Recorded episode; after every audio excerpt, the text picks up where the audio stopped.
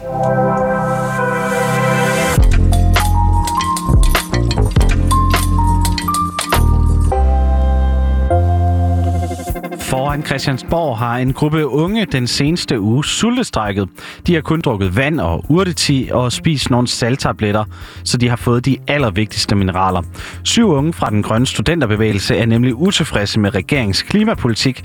Der bliver simpelthen gjort alt for let for at leve op til vores forpligtelser, siger de. Men er det ikke alt for voldsomt at sultestrække for klimaet? Og hvordan ender en 22-årig kvinde fra Silkeborg som sultestrækkende aktivist ved Christiansborg? De svar forsøger vi at finde i dagens indsigt. Jeg synes, det har været ret hårdt. Altså, når man har meget øh, kvalme og hovedpine og ondt i maven jo. Øh, og det har jeg haft lidt løbende hver dag. Lige nu har jeg det fint nok, synes jeg egentlig. Øh, vi er mest bare virkelig, virkelig trætte, fordi kroppen jo ikke har noget energi. Og så er det jo hårdt at sidde udenfor hver dag på Slotspladsen, fordi der er ret koldt, selvom vi er i maj måned. Så vi er øh, pakket godt ind i tæpper og soveposer og sådan noget for at holde varmen, fordi vores krop ikke længere selv producerer den varme, vi har brug for. Men altså, mentalt har vi alle sammen haft det okay faktisk. Øh, og vi gør det jo sammen og passer på hinanden og sådan noget. I en uge har Anna Bjerg Johansen nu ikke fået en eneste bid med.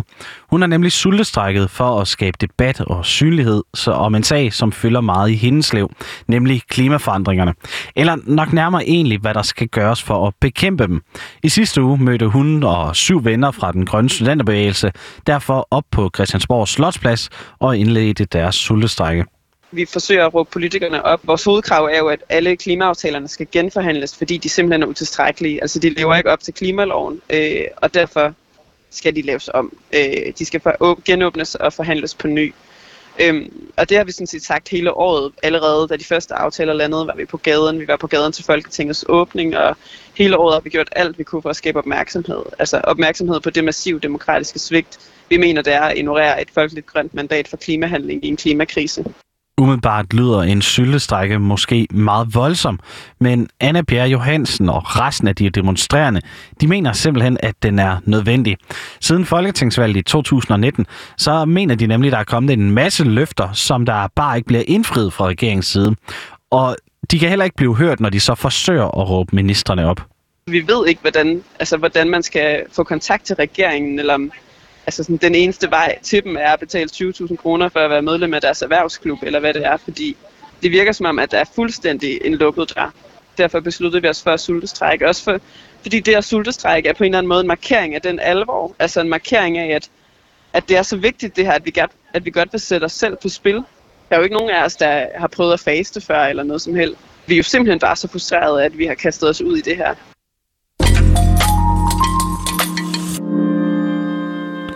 Men hvordan ender en 22-årig kvinde fra Midtjylland med at stoppe med at spise i en uge, fordi man er utilfreds med nogle politikere?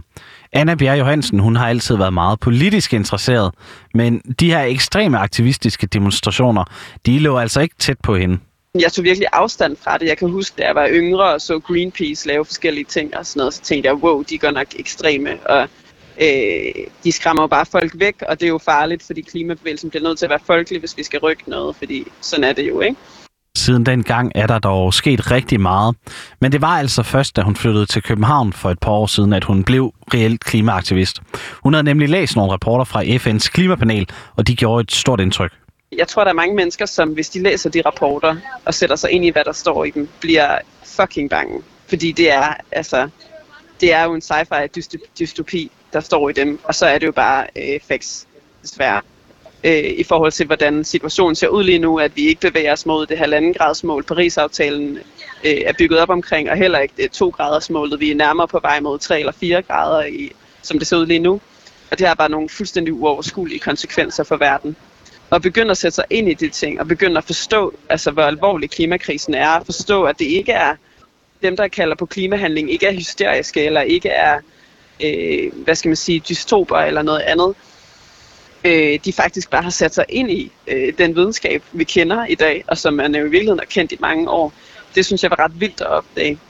Og da hun begyndte på og da hun flyttede til København, begyndte hun også på universitetet, hvor hun læser miljøplanlægning som er en bred uddannelse i grøn omstilling inden for energi, landbrug og industri. Og så er det altså både en teknisk og samfundsfaglig uddannelse.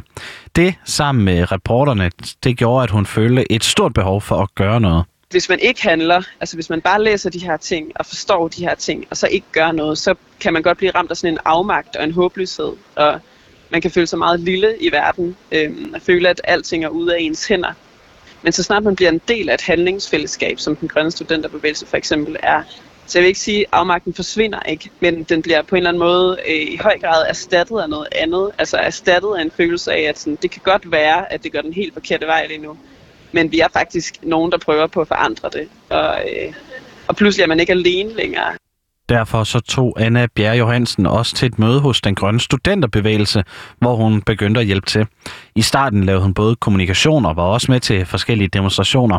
Men det var altså især det at mobilisere mennesker og informere andre unge, som hun synes var rigtig spændende på det tidspunkt at tage ud på skoler og gymnasier og fortælle om, øh, om klimaaktivisme og hvad det indebar at være klimaaktivist, så folk ikke følte, at det var så farligt eller så uoverstigeligt at blive, eller at, eller at, man, at man skal vide alt muligt. Eller sådan. Der er jo mange, der tror, at klimaaktivister for eksempel er hellige på en eller anden måde. Altså at der ikke er nogen, alle spiser vegansk mad, og ingen flyver, og folk køber kun genbrugstøj og bor i jordhuler og sådan noget. Ikke? Og i virkeligheden er de fleste klimaaktivister jo ret almindelige mennesker, der lever ret almindeligt liv, men som bare tillader sig at være virkelig bekymrede og kræve strukturelle forandringer, i stedet for de her sådan, forbrugsorienterede ting, som man hele tiden bliver skudt i skoene. Ikke? Altså, hvad gør du selv for klimaet? Spørgsmålet over dem alle. Siden den gang, der har hun også deltaget i en hel del aktivisme. Blandt andet så har hun været i Berlin for at demonstrere og lave civil ulydighed med klimabevægelsen Extinction Rebellion. Og hun kan altså godt se, at det er noget helt andet, end dengang, hvor hun tænkte, at Greenpeace de var lidt for voldsomme. Men jeg tror bare, at, at jeg har altså sådan, fået en ret klar opfattelse af, at, øh, at det er nogle af de der øh, aktioner, der faktisk rykker noget. Altså rykker noget i medielandskabet, men også rykker noget i folks bevidsthed og rykker noget i politikernes bevidsthed øh, og sætte sig selv på spil. Og det kan man jo gøre på mange måder. Enten ved at, øh, at lave civile lydighed og for eksempel øh, blokere en vej for at skabe opmærksomhed på et eller andet. Og eller sådan, øh, acceptere at blive arresteret for noget, eller sultestrække i en uge, eller nogle af de her lidt voldsommere ting. Øhm, det markerer jo også den her alvor, altså, du tror jeg, jeg har sagt flere gange, men, men det er bare virkelig vigtigt at, at understrege, at det her ikke er for sjov. Og selvom klimaet det altså fylder meget i Anna Bjerg Johansens liv og hverdag, så er det ikke det eneste, der er. Men sådan var det faktisk næsten tidligere den sommer der, før jeg begyndte at lave aktivisme, der fyldte det virkelig, virkelig meget. Øh, det var svært for mig at abstrahere fra, fordi øh, det er på en eller anden måde svært at, at have den forståelse af, hvor alvorlig situationen er, og så samtidig hele tiden opleve, at intet sker. Men, men så snart man begynder at handle, altså også selvom man jo ikke kommer til nødvendigvis at ændre verden af det, øh, så bare det, at man gør noget, det kan virkelig, øh, det kan virkelig gøre alting meget nemmere. Tilbage på Christiansborgs Slotsplads, der gør de syv sultestrækkende unge sig klar til at afslutte ugen uden mad. Kl. 12 her i dag, onsdag, der afsluttede man nemlig sultestrækken med et stort arrangement, hvor der blandt andet blev holdt tale, læste digthøjt og også sunget en sang. Og det har hele tiden været planen, at strækken den kun skulle vare den her uge, og det skulle være for at sende et signal og forsøge at råbe politikerne op. Men hvordan er ugen så egentlig gået? Er det lykkes for Anne Bjerg Johansen og de andre unge at få gjort noget? Hvis man kigger på vores krav, altså at vi gerne vil have et løft om en genforhandling af alle aftalerne, så er det gået rigtig dårligt. Fordi vi har ikke haft besøg af en eneste socialdemokratisk minister, som, som øh, har lovet os noget som helst. Øh, de har, der har været fuldstændig radiotavshed.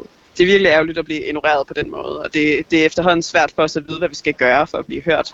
Politikere fra andre partier har dog vist flaget, og selvom de synes, at sultestrække er lidt en voldsom aktivitet, så bakker de altså op om målt i de unges kamp. Men selvom ministerne de ikke vil øh, høre med, så vil man altså fortsætte med sin kamp. Sådan blev det slået fast i talen her ved afslutningen tidligere i dag. For selvom det kan føles naivt at lave klimaaktivisme mod så hårdt system, selvom man kan føle sig så lille og så udmattet, så er én ting sikkert. Historisk set er bløde kroppe det eneste, der nogensinde har forandret noget. Tak.